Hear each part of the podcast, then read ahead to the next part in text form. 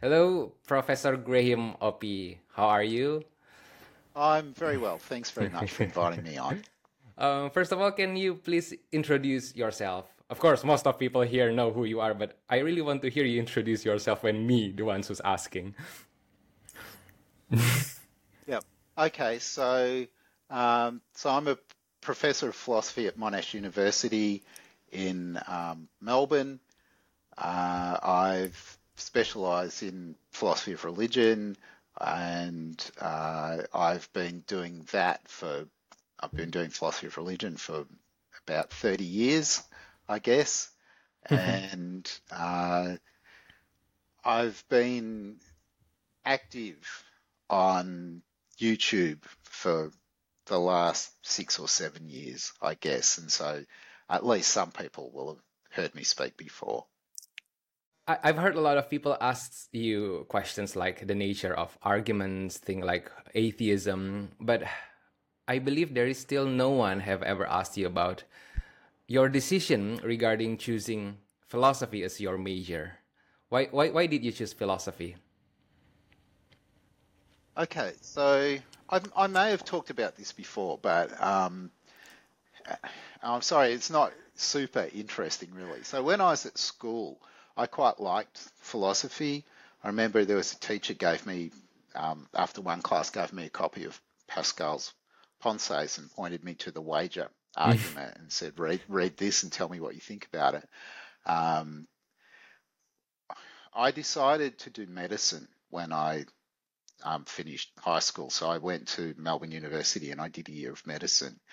And uh, I can't say that I really enjoyed my medical studies. I spent much more time reading philosophy than I did reading the textbooks for medicine. And so it kind of became obvious to me that I was in the wrong place. And I just decided then that I would transfer to a different degree and study the things I was interested in. And the things I was most interested in were maths, physics, philosophy, and history and philosophy of science. So I did two degrees, an arts degree and a science degree, sort of simultaneously, and just studied those things. I studied a little bit of computer science and one or two other things, but basically um, I did a maths major and a philosophy major. Which one is cooler, you think, philosophy or math?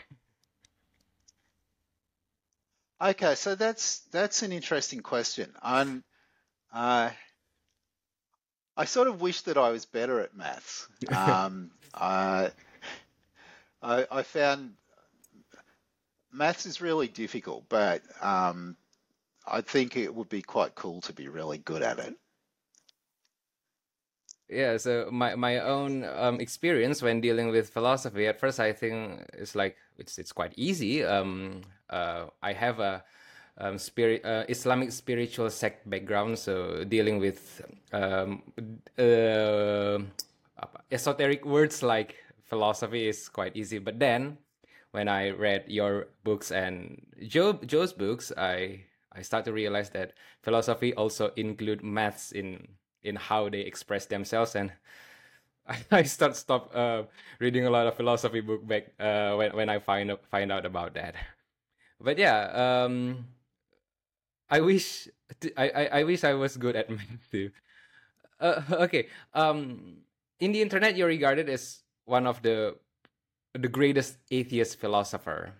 Um, do you agree with that label? Because I think your your atheism is not your main focus. It's like um, you've become an atheist because um, your your philosophy studies led you to. Um, okay, do you do you agree with that label?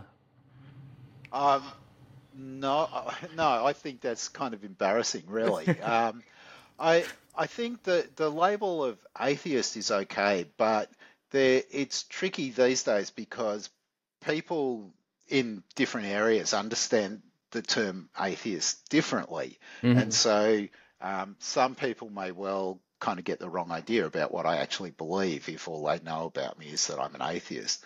And the atheism, in a certain way, is kind of incidental. What uh, my preferred label is naturalist, and mm. I just the way that I think about these things, the way I use the words atheism is just a consequence of naturalism.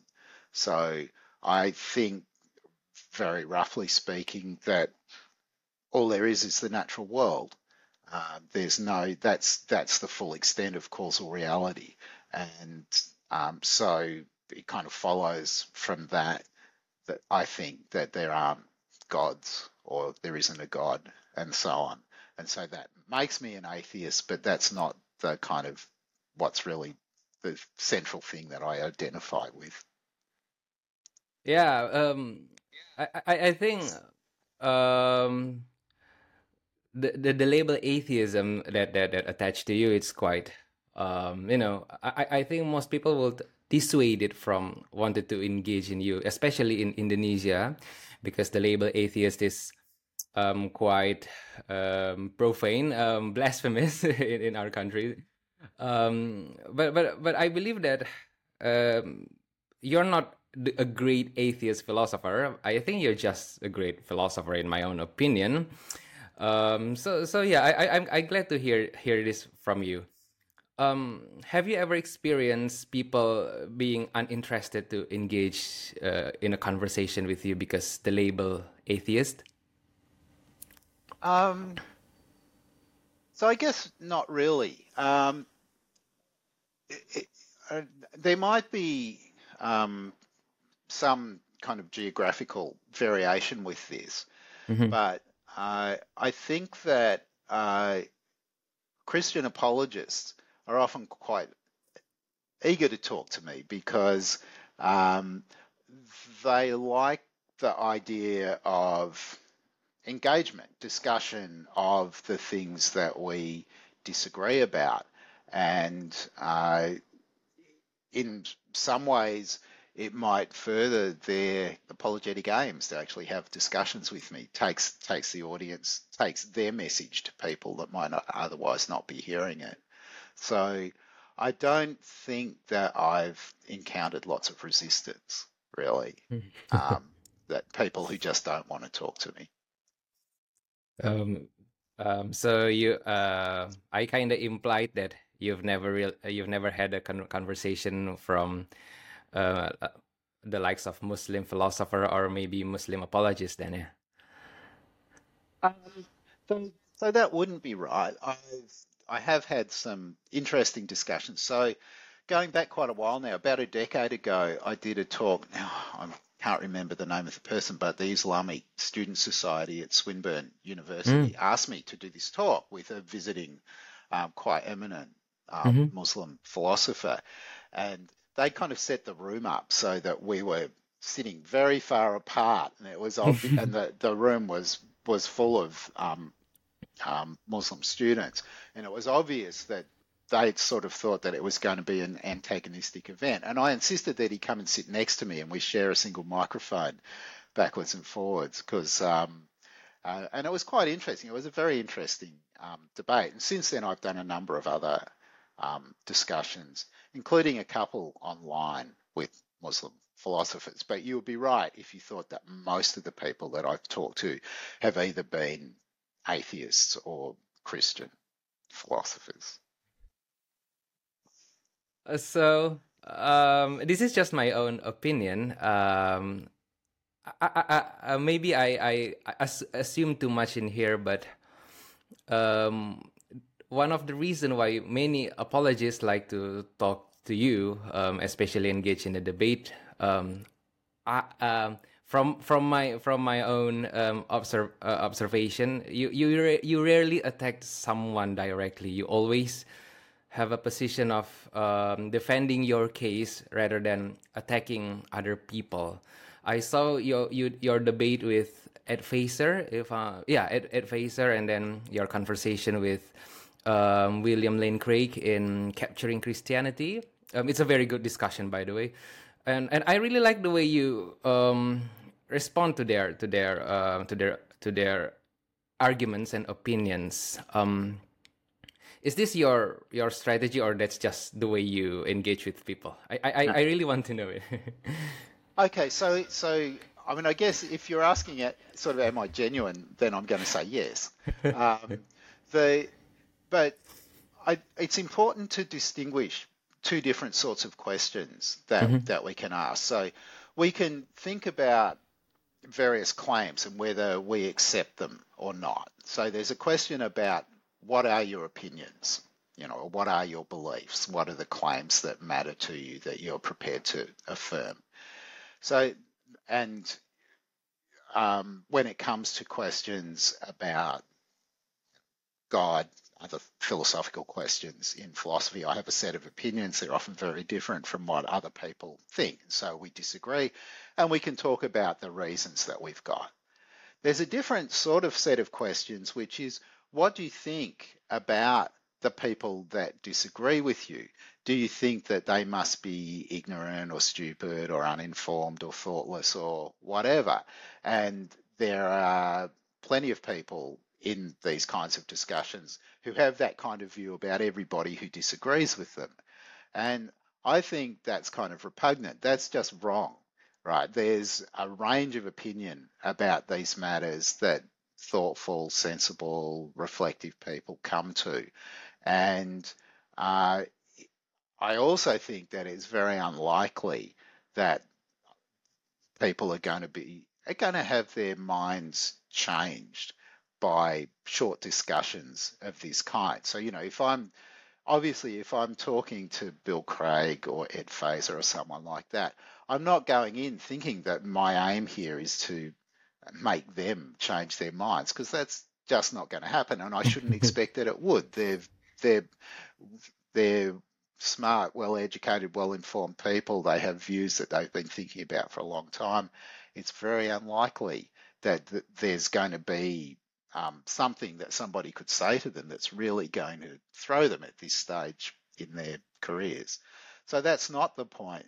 The point of doing these discussions is, I think, is partly because the audience is going to be quite diverse and there will be people who are kind of tempted by the kinds of things that I'm going to say um, and might find it helpful that there's somebody who's saying them and also because the kinds of discussions that I have with people like Craig and Feser model a kind of interaction which I think is proper.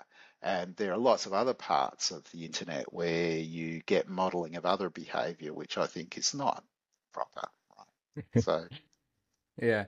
Um, okay. Uh, uh, uh, I'm just quite curious. So, as a philosopher myself, uh, I rarely ever engage in debates um, because I see no point in doing that when in the end um, the two sides that engage in debates uh, most likely won't going to change their mind. Um, also with the audience so i think um, i'm not going to engage in debate if if in the end the results is just the same as before um, uh, like that. So um, what do you think in your own opinion the, the point of debates? I see you engage in a lot of debates. If you um, don't think that uh, your opponent will won't want uh, change their mind. So, okay, so so there's several things to say here.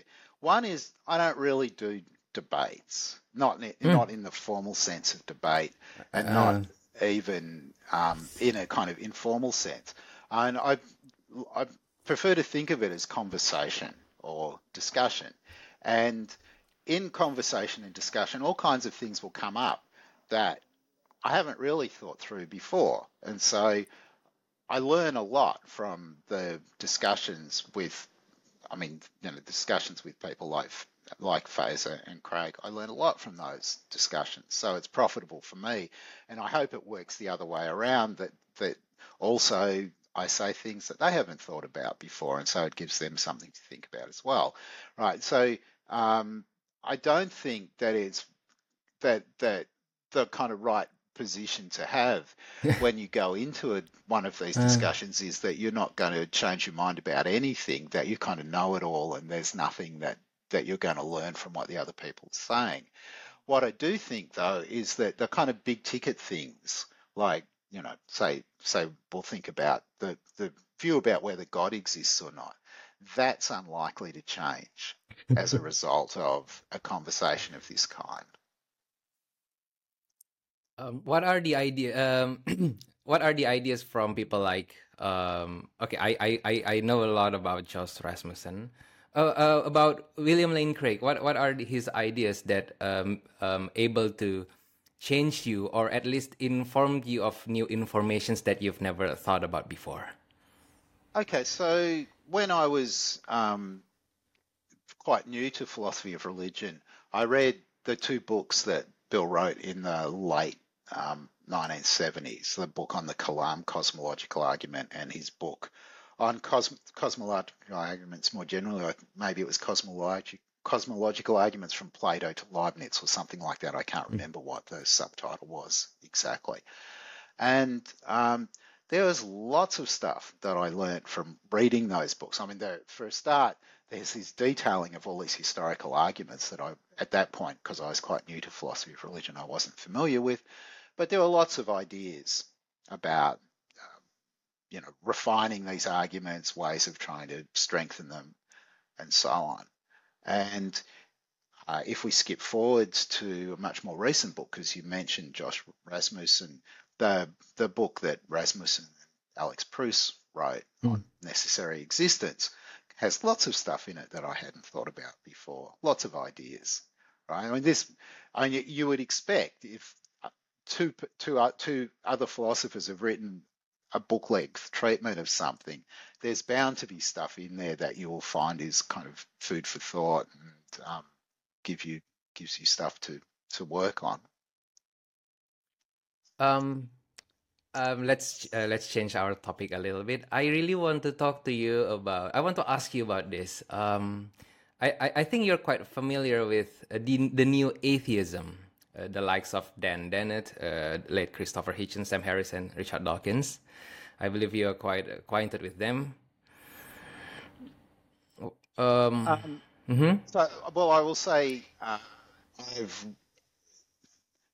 when when the expression "the four horsemen" was first coined, um, around that time, each of them had a book. So Dawkins had published The God Delusion, Delusion. Harris had published The End of Faith, Hitchens had published God's Not Great, and um, Dennett had published Breaking the Spell. And around that time, I read all of those books, and then I read some other things that I mean, I'm familiar with Dennett because of his much earlier and longer history working in philosophy of mind. And I was familiar with Dawkins because of The Selfish Gene um, other books that. So I actually, that was a textbook I read when I was an undergraduate. The Selfish Gene was a textbook for a course that I took. So I'd been familiar with Dawkins for a long time. Hitchens and Harris were newer to me. I only sort of knew about them from the books that I read back in the mid 2000s. But yeah, so I so I certainly would say I had some familiarity with all of them. What do you think about the new atheism movement that's that's kind of started uh, from them? So, in some ways, I think it's kind of badly named. Uh, yeah, it was. Uh, I think that um, there are several things that were distinctive of them, and atheism probably wasn't the most important thing. The, mo- the more important thing, I think, is that they are kind of anti-religion. So mm. they they they they all thought, though um, perhaps to different degrees, that religion is a problematic force in the world. The world would be better off if there was no religion. Historically, religions really been a bad thing. And um, what kind of catalyzed the what was happening in the early 2000s was the um, the um, 9/11 in the United States, and so um, there's quite a lot of kind of anti-Islamic sentiment, especially in the work of Harris and mm. um, and Dawkins. Yeah, I, I think the new atheism kind of mischaracterizes um, religion as um, entirely bad, and it's it's also paint the atheists in a very bad picture because those label and how they're how those four horsemen I I got the name. So I think in my own words, the name New Atheism, uh, the four horsemen of atheism is quite. I'm sorry to say, but quite cringe, uh, because yeah, I, I, it's just funny. It's just funny to me because I don't think I don't see the the the the need for people to um, to campaign for atheism and put four people um, for, uh, for, their poster for uh, the campaign. I think that's why, why, why should you do that? I, I see no point in doing that. But yeah, um, so there's one thing I really want to talk to you about. One of the members' um, conversion to, to Christianity, um, Ayaan Hirsi Ali. Um, if you're familiar with that, um, most uh, atheist YouTuber, um, philosopher YouTuber like um, not not Joe Schmid, Emerson Green, um, Alex O'Connor, and yeah, most of them already made um, uh, already sound their opinion in YouTube. Do you have any opinion about Ayaan Hirsi Ali's conversion to Christianity? Um, no, I haven't given it a lot of thought. Really, there's, I there are conversions that happen in both directions. There are high profile conversions, and then there are lots of people who are just not in the public eye who change their mind about their faith or lack of faith. Um, so I no, I don't really have any particular um, mm-hmm. claim to make in connection with it. Okay, uh, yeah, okay. That's that's the that's that's a very great answer actually because yeah, I, I don't know what I don't know what, how to express this one, but yeah, I think yeah, if in Indonesia we have expression like yeah, if they want to do that, just just do that. I I don't care. Um, it's kind of hard to express in English, but it's goes something like that. So I I too actually didn't really care about the conversion. I, I feel like it's it's kind of politically motivated but but once again i'm not a politician so i i, I don't know um, i don't know the, the, the, full story of it but but at least i'm glad um, the two sides from the christianity the, the christians and the atheists um, already sound their opinion. Yeah i think that's that's pretty much it. Um, so yeah um, let's talk about your uh, paper about naturalism. Um, can you define what is to you naturalism Okay, so um, like lots of words in philosophy, it gets used. This this word naturalism gets used differently by different people.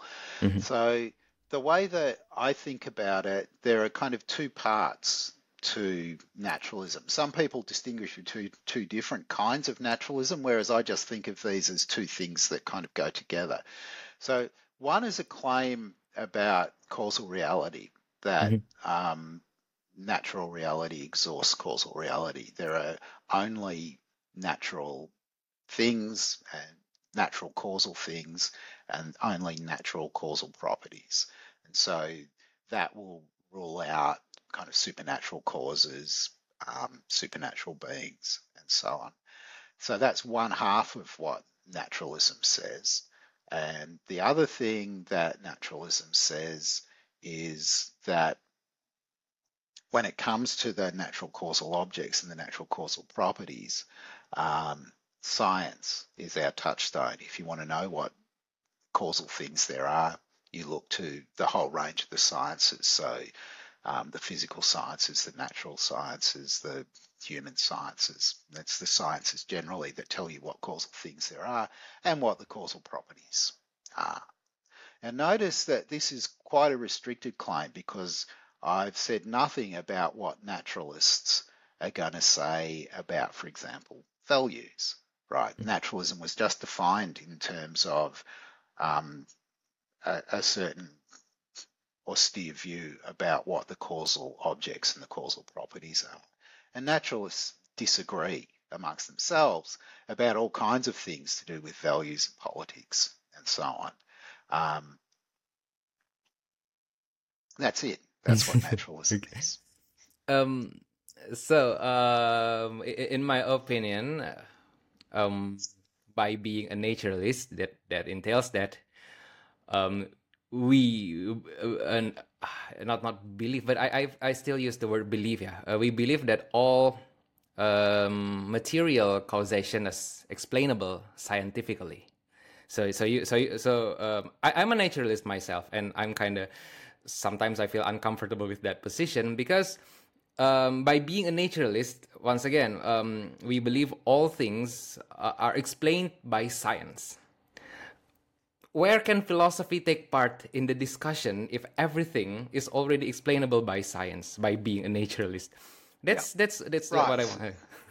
Okay. Yeah. So, so, so my answer to that question is that um, naturalism was a quite a restricted thing that told you about natural causal objects and natural causal properties, and so what you would expect, uh, and and then science is the touchstone for that. So science will tell you what causal objects there are, and it will tell you what causal properties they have, but there's a lot more to the world than the causal objects and the causal properties Yeah. because for example there are questions about for example values where do values fit into this picture right because values are not are not causal objects and not Yeah. causal properties either right and then philosophy also fits into this picture because that kind of question how to you know what's a naturalist going to say about values is a philosophical question and it's not that there's a science that's going to answer this question. Right? It's not that science is going to tell you, okay, so this is how normativity arises from the causal world, or this is how value arises from the causal world, or whatever. So there's a whole lot of stuff that um, I think isn't isn't answered by science and uh, isn't disclosed just by the characterization of naturalism either. Um, yeah. Uh, what do you think about uh, the philosophy of aest- aest- aesthetics and ethics? I think it's a very hard Yeah, kind okay, of so- philosophy. Mhm. Right. So so so you've picked out that kind of two domains of value that are particularly important, moral values and aesthetic Aesthetics. values.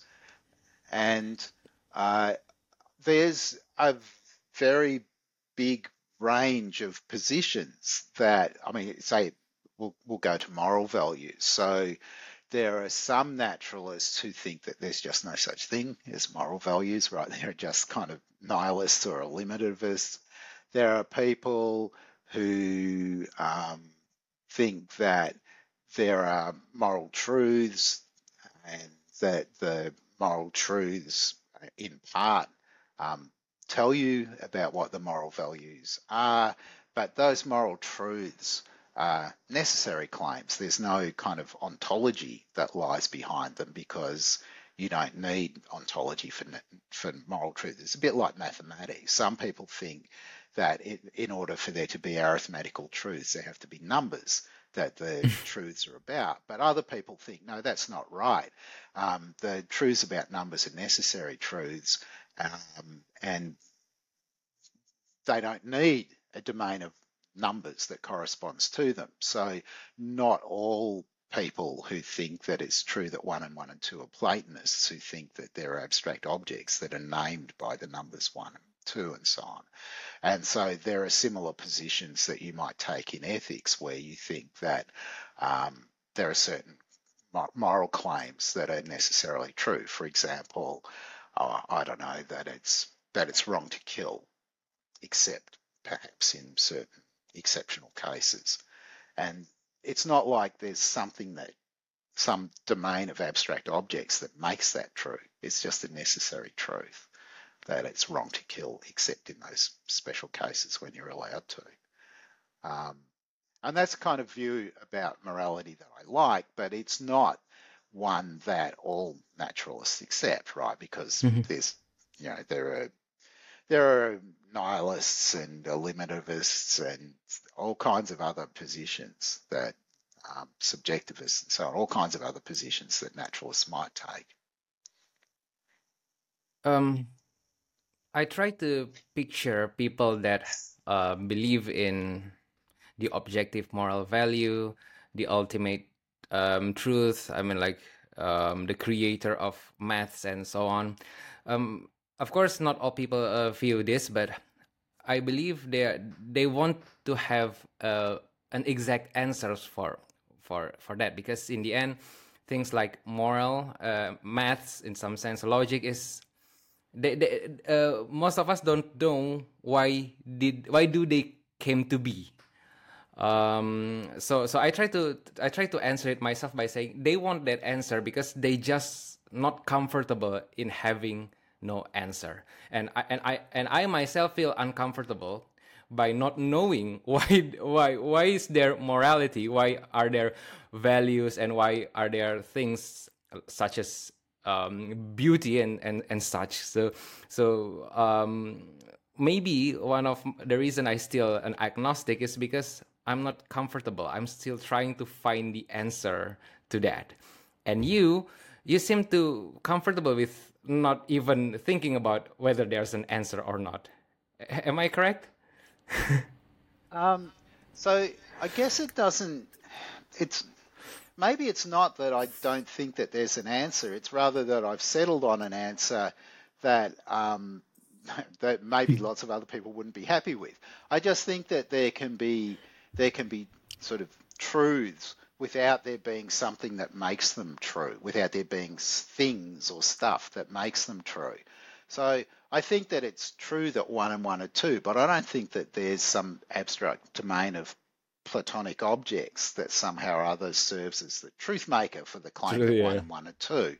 And I think and I think that the same is the case for morality. So I, uh, though I mean, the point that you made about uncertainty is interesting because if what, what I think of as the fundamental um, moral principles are rather um, underspecified, right? So I think it's wrong to kill, except when you're except in special circumstances. Now, what are those special circumstances?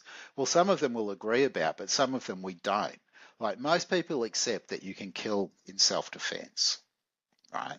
Um, many people think that you can kill if you're fighting a just war.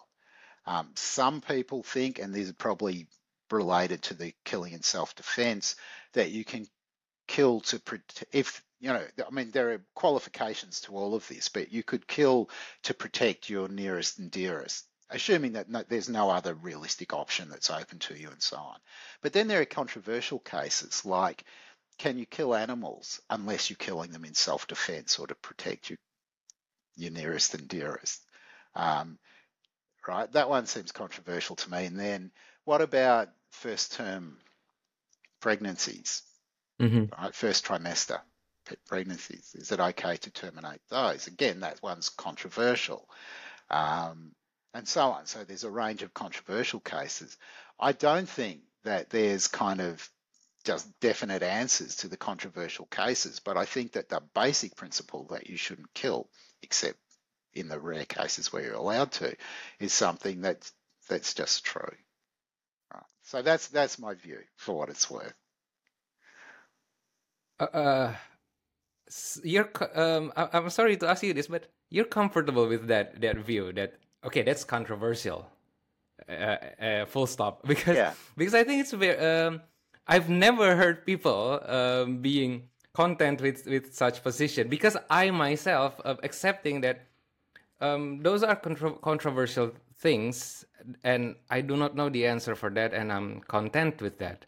And I'm quite surprised that you out of all people have the same opinion as I am, and it's in my own words, it's it's quite cool because because yeah, it's it's controversial. We we might never know the answer. We might uh, we might found the answer always changing all the time.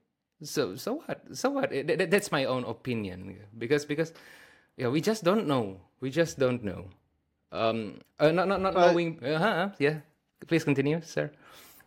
So so yeah. So I mean, uncertainty is not a bad thing, but um, but but also what happens is if you kind of bang your head against difficult issues for long enough, you might find yourself just kind of settling on a bunch of views and thinking, well, I'm I'm content with this. There's lots of stuff I I mean, one of the I mean to go back to the thing you were just saying, one of the things that you have to do is you have to accept that you you're going to hardly ever know that, that you of everything that's known by people, you're only going to know a tiny part of it. Yeah. You cannot. Like you go into a big library and you look at all the books on the shelves, right? And you look at the math section and the physics section and the chemistry section, and the biology section, and the sociology section and the history section and so on. You can't you can't master all that material. There are bound to be lots of things that you're just going to know not very much about. And so you have to be able to accept ignorance, right? That just comes with the territory of being a sensible person. oh. okay. Wait, wait. I, I'm trying to collect myself again now. Um, uh, do you think it's okay with the fact that we will we will never know anything?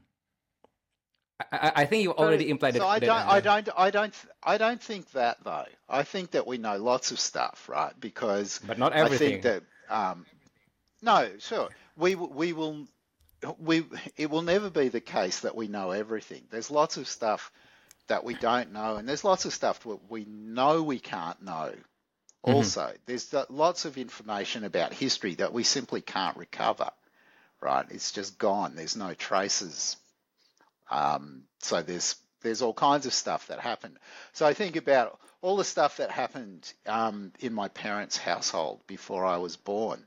There's lots and lots of details there that, my, sorry, both my parents are dead, so right, there's no informants about this. All that information, they were the only witnesses to it, is just gone, right? It will never be recovered, right? So of course, there's lots and lots and lots of stuff that we're just ignorant about, right? You mm-hmm. have to accept that. Yeah. But there's lots of stuff that we know. If you compare where we were, say, with, with respect to knowledge of the natural world at the time that Aristotle started writing, and you compare what we know now, there's it's inconceivable almost how much more we know than Aristotle knew. If you, you know, go to the libraries, you know, think about what was in the Library of Alexandria and then compare it to what's in the Bodleian Library now, right? There's we we know an enormous amount of stuff um, across a very wide range of domains, but that's we collectively, right? Mm-hmm. And lots of it maybe is kind of sort of not stored in any particular person's head. It's there in books or it's there in online or something like that. But we do know a lot. It's just there's this other point that there's even more stuff that we don't know than there is that we know, and that will always be true. Um, yeah. Uh, so my philosoph- my, my philosophical doctrine um, um, I, I create my own my own philosophy uh, about philosophy doctrine. Um, I put knowledge as the most important thing, and I believe mankind must progress towards an ability to uh, gather as much as uh, as many knowledge as possible. Um, that, that that also includes about knowing the exact um, event that happened in the past and, and things like that because um, I believe every time um, we missed on gathering new knowledge, we missed an infinite opportunity uh, of knowing because uh, yeah because my, my philosophy said that uh, knowledge is the most important thing.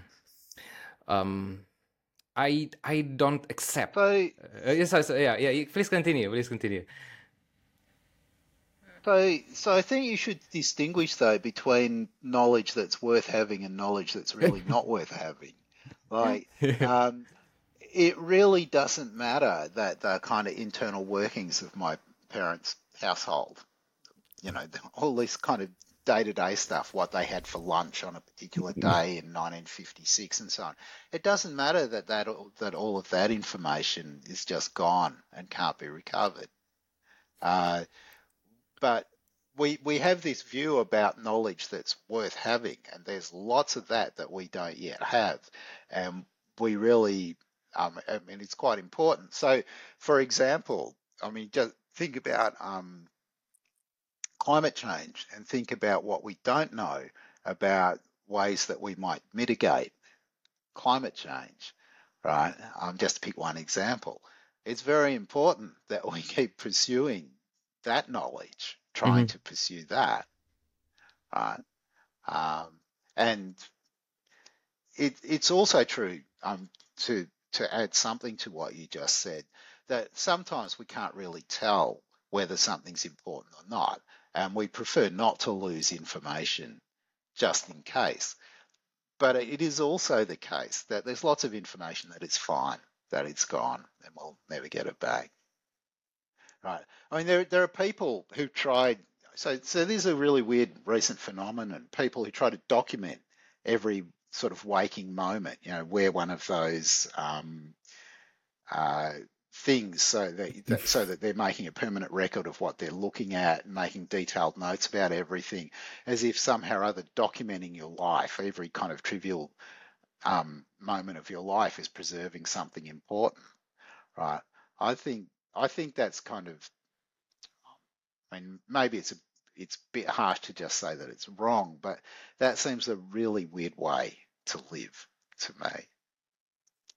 Well, my my I believe my philosophy doctrine is weird. So um, I I try not to promote my own uh, YouTube YouTube channel here, but um, I wrote I, I I document my journal. I put it in a video format. The title of the video is Homo Scientia.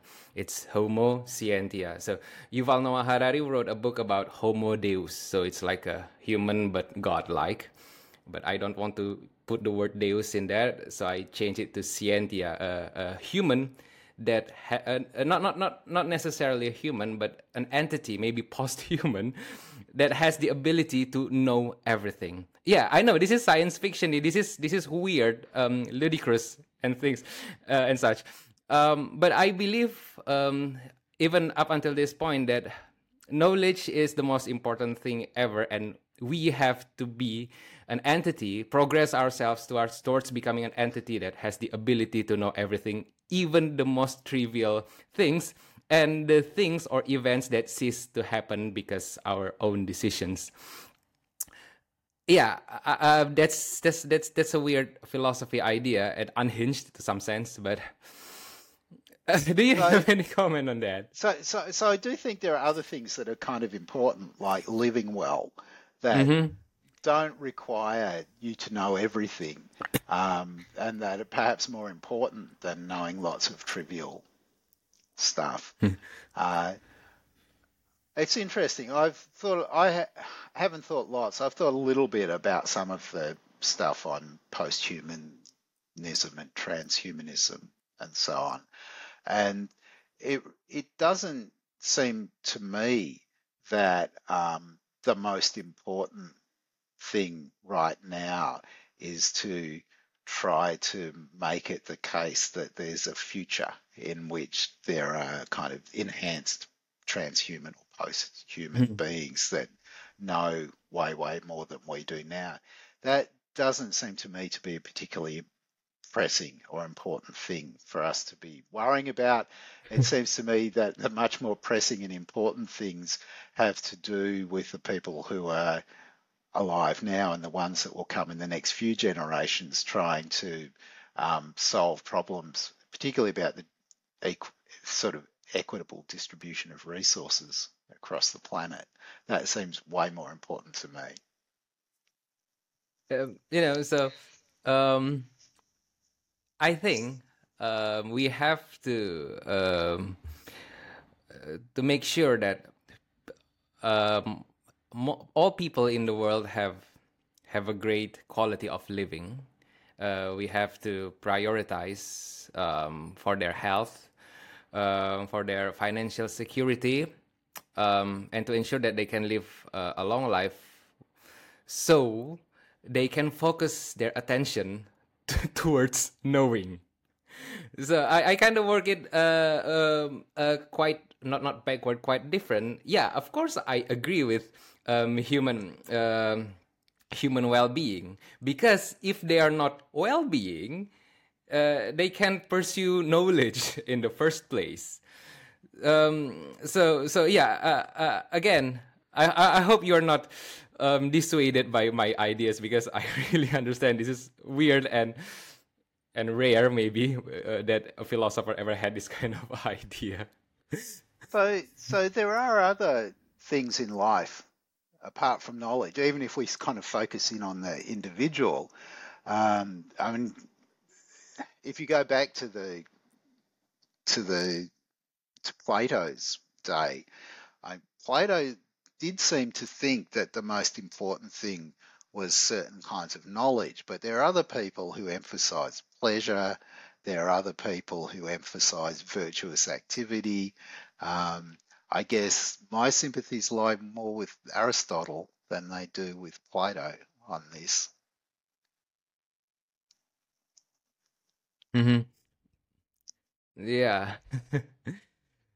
um, maybe uh, uh, I, I, I, I'm sorry. I, I, um, I talk a lot about my my ideas rather than ask you uh, questions about yours. Um, uh, is it okay if we continue talking about these ideas? Because I've literally never had anyone to talk to about these ideas that I'm having.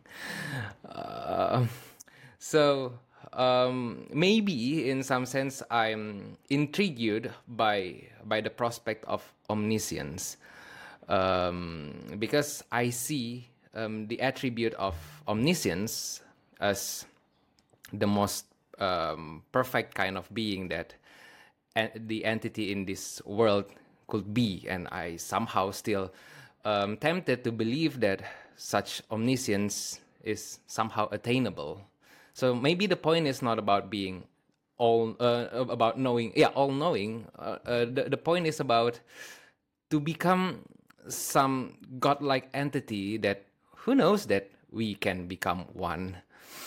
Um, yeah, once again, I have a background from um, a very strict Islamic sect, which they always portrays a very um, particular looking like a divine being. And since that I no longer believe in such being, but I still believe in the characteristics that somehow we can maybe attain that um, that godhood yeah godhoodness. I want to say godhoodness but but yeah maybe i'm i'm still influenced by by by such by such thinking. Um, and actually i'm uh, okay. Do you have anything to say about it? So so but it's interesting that you're thinking about this in terms of omniscience rather than in terms of some kind of broader kind of perfectibility so so so so this is a kind of question for you. Why why focus in particular on knowledge rather than on a you know a wider range of things? So being able to do more things um, being more virtuous as well as being more knowledgeable. I, um the world our universe is way too vast. That's that's the first thing that that um with our own ability to know, um, we can't we can't know everything about about our universe, and um, because first we, we we are limited in our capacity of knowing. That's that's the first thing, and the second thing is, I'm afraid um, we are the only entity that has the ability to do so, um, and I'm afraid if we manage to extinguish ourselves there will be no other entity in this universe that has the ability to uh, I, I, use the word to know itself. I believe uh, we, we are we are the universe itself try to try to uncover everything about the universe itself. Uh, not don't put it in a spiritual way. This is a very philosophical way uh, um, so so yeah um, because because i believe that we are the only entity at least so far as we know um, we somehow have some kind of obligation to to record everything, to to archive everything that happens in the universe. Um, I, I, uh, I'm I, I'm just cannot accept the fact that in some like 5.6 billion years from now the universe will um, no not the universe. The the sun will become a black hole and the earth will um, subsequently become unlivable. And if we if from 5.6 billion years from now we cannot um, travel to outer galaxy um, we will exting- extinguished uh, along with with our solar system. But do we have enough resources to use in this earth to travel to outer galaxy? Um, i think we don't. That's why um, um, I try to invite many astrophysicists to answer these questions. I think we cannot progress ourselves far enough in terms of technological and resources to, to travel to our next, let's say, our our neighboring galaxy because yeah our neighboring galaxy is way too far compared with even our sun um, so if we cannot um, transport our physical body into our neighboring galaxy i think um, by, by by by that fact we will extinguish uh, together with our knowledge our, ability to know to, to, to know things um, with the sun being becoming a, a black hole so if we cannot uh, um, transport our body, I think we can. okay, this this is the fun. This is the fun part. I think we should um, evolve our ability to become uh, evolve ourselves to become uh, an entity that can can know things without uh, without have to having the host of um, physical body like this. Have you ever heard anything like uh, this philosophical idea, Professor? so in some ways, what you're saying is very similar to things that Freeman Dyson Freeman was Dyson. saying Mm-hmm. was saying 30 or 40 years ago.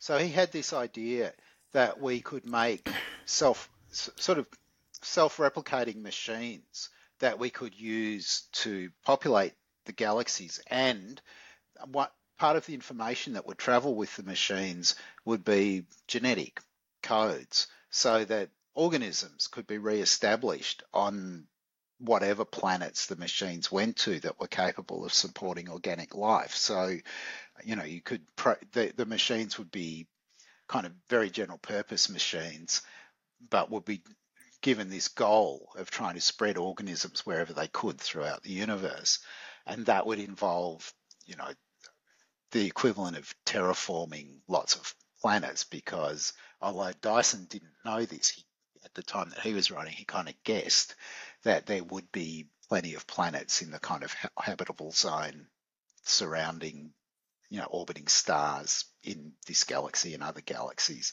that could be kind of terraformed. So, uh, so his so his kind of vision was that um, our descendants, in some sense, our descendants would eventually populate the universe.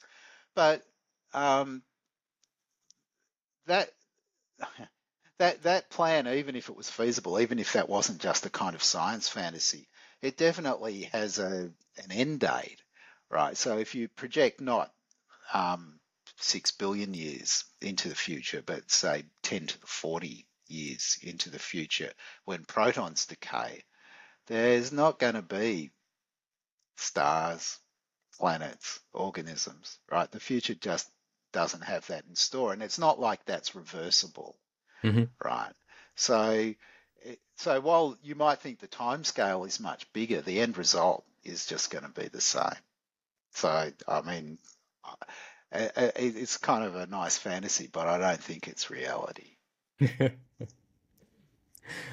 but um, do you do, do you find with um, knowing that in the future we might just be extinguished without having nothing new to discover. So, so am I fine with it? So, you know, the most pessimistic um, views that I've heard about this think that we'll be extinguished before the end of this century. I'm not fine with that. Right? That's if I happen to have grandchildren, you know, the the human on on that kind of projection, the human race might perish with them. And that's that's that's really a kind of horrif- horrifying thought. But the idea that the that that humanity might only last thousands of years or tens of thousands of years or hundreds of thousands of years, that doesn't seem so horrifying. I mean, if you look back at the, you know, every every the the the truth is that every um, species goes extinct, right? Um, every species is in the process of going extinct, and that will happen to us too. And we shouldn't be worried about that. What we should be worried about is what we're doing with the time that we've got and trying to look after people for a reasonable kind of distance into the, future.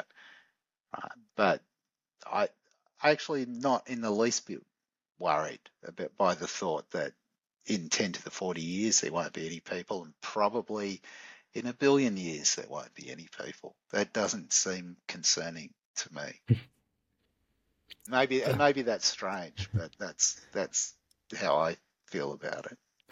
Uh, uh, uh, of course, I don't think your opinion is strange. I think it's very insightful. Uh, at least it's kind of um, calming myself a little bit because I always, in the age of existential angst, with with all the philosophy idea that's that I had, and what I want to ask you um, was is your opinion um, is support or not not supported um, um, because you, is your opi- is your opinion uh, uh, backed because you are a philosopher or it's just uh, you yourself trying to uh, try to make peace with the fact of our universe?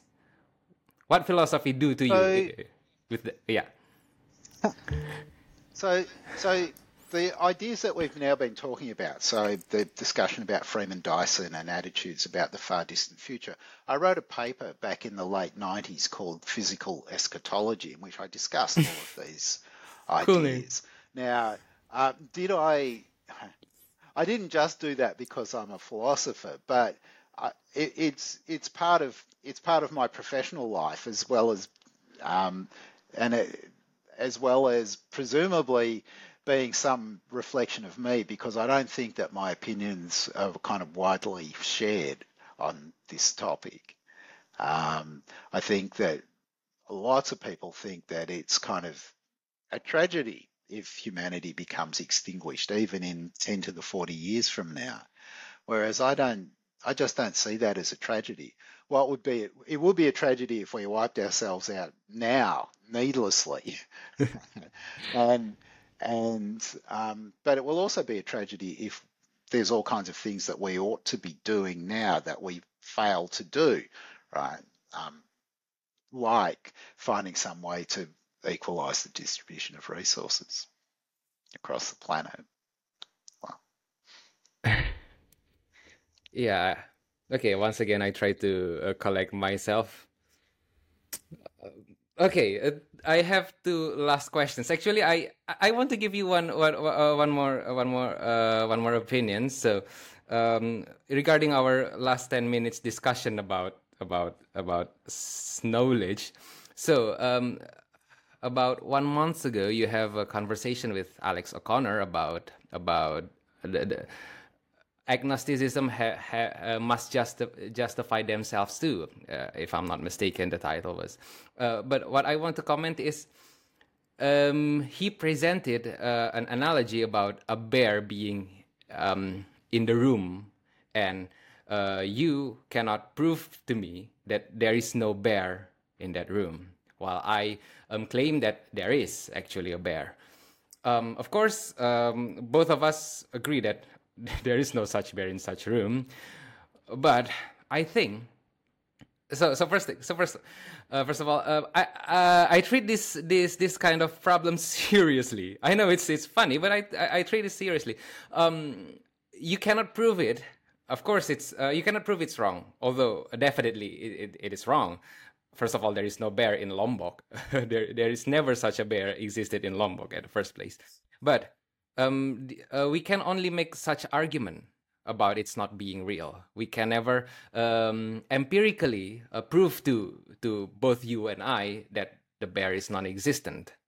So um, to to scroll back to our conversation about the importance of knowing without having a physical body, the way uh, I think it's it's important um, to to to have the ability okay. This is science fiction um i i know. Uh, it's it's important to to have the ability to know that there is no such bear almost in an um, empirical sense not just by um abductive arguments and logic. So yeah um maybe that that, that was just a, a very a very analogical story about a conversation between you and alex but i treat it very seriously. Um, so, so um in at least a kind of everyday sense, you you know that there aren't bears in. Lombok. Of course, it could happen that a billionaire um, flies in his you know in his private jet and brings a bear to Lombok, and then you'll just be wrong, right? But yeah. um, but I, I think that the way that we ordinarily use the term, there aren't bears in Lombok, and you know that there aren't, and that's and that's fine. If there's somebody who though who's um, convinced for some perhaps bad reason, but perhaps not, um, somebody who's convinced that there's a bear, it may be very hard to persuade them otherwise, right? Um, so, uh, and in this kind of conversation, it's important to worry about testimony, right? So suppose mm-hmm. that there's someone who thinks there's a bear in Lombok because there've been all these people who they trust telling them that there's a bear in Lombok, right? Well, now it's not irrational for them to believe it, even if, you know, mm-hmm. the, the, the mistake that they've made is that they're trusting people who they shouldn't be trusting as informants, right? Yeah. okay. Um, two last questions. Um, the first one is, what is the mystery of life that you hope um, to be uncovered in the future in your lifetime?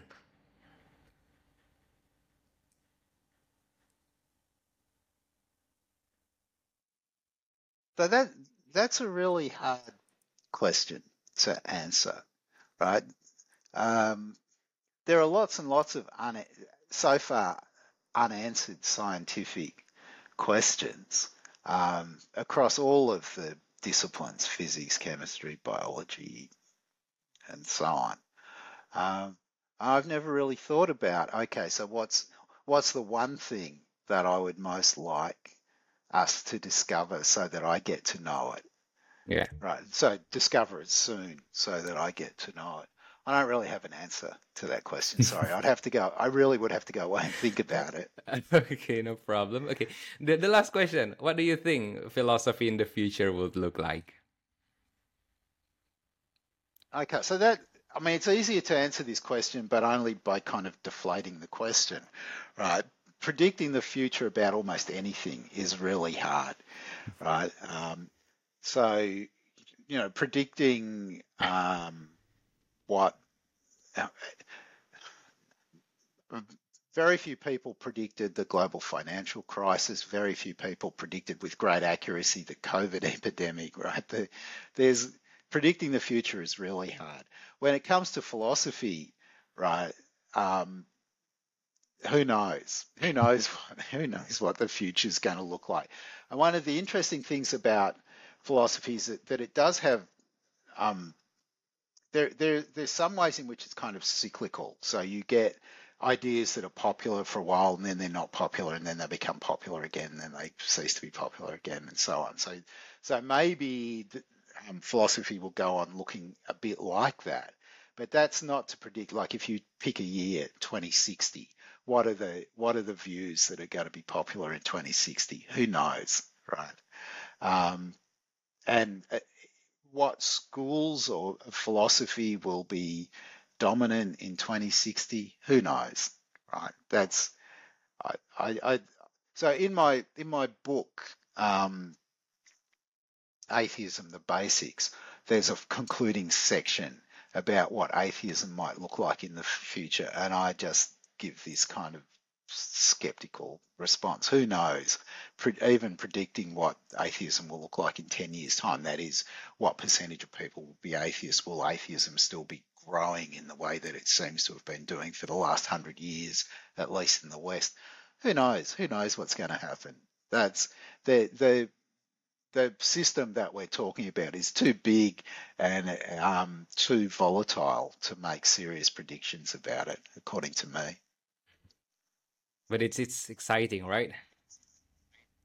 yeah. Oh, it's it, and it, it's kind of disappointing that I 2060 I won't get to see, so I'm not going to know what the world's like then.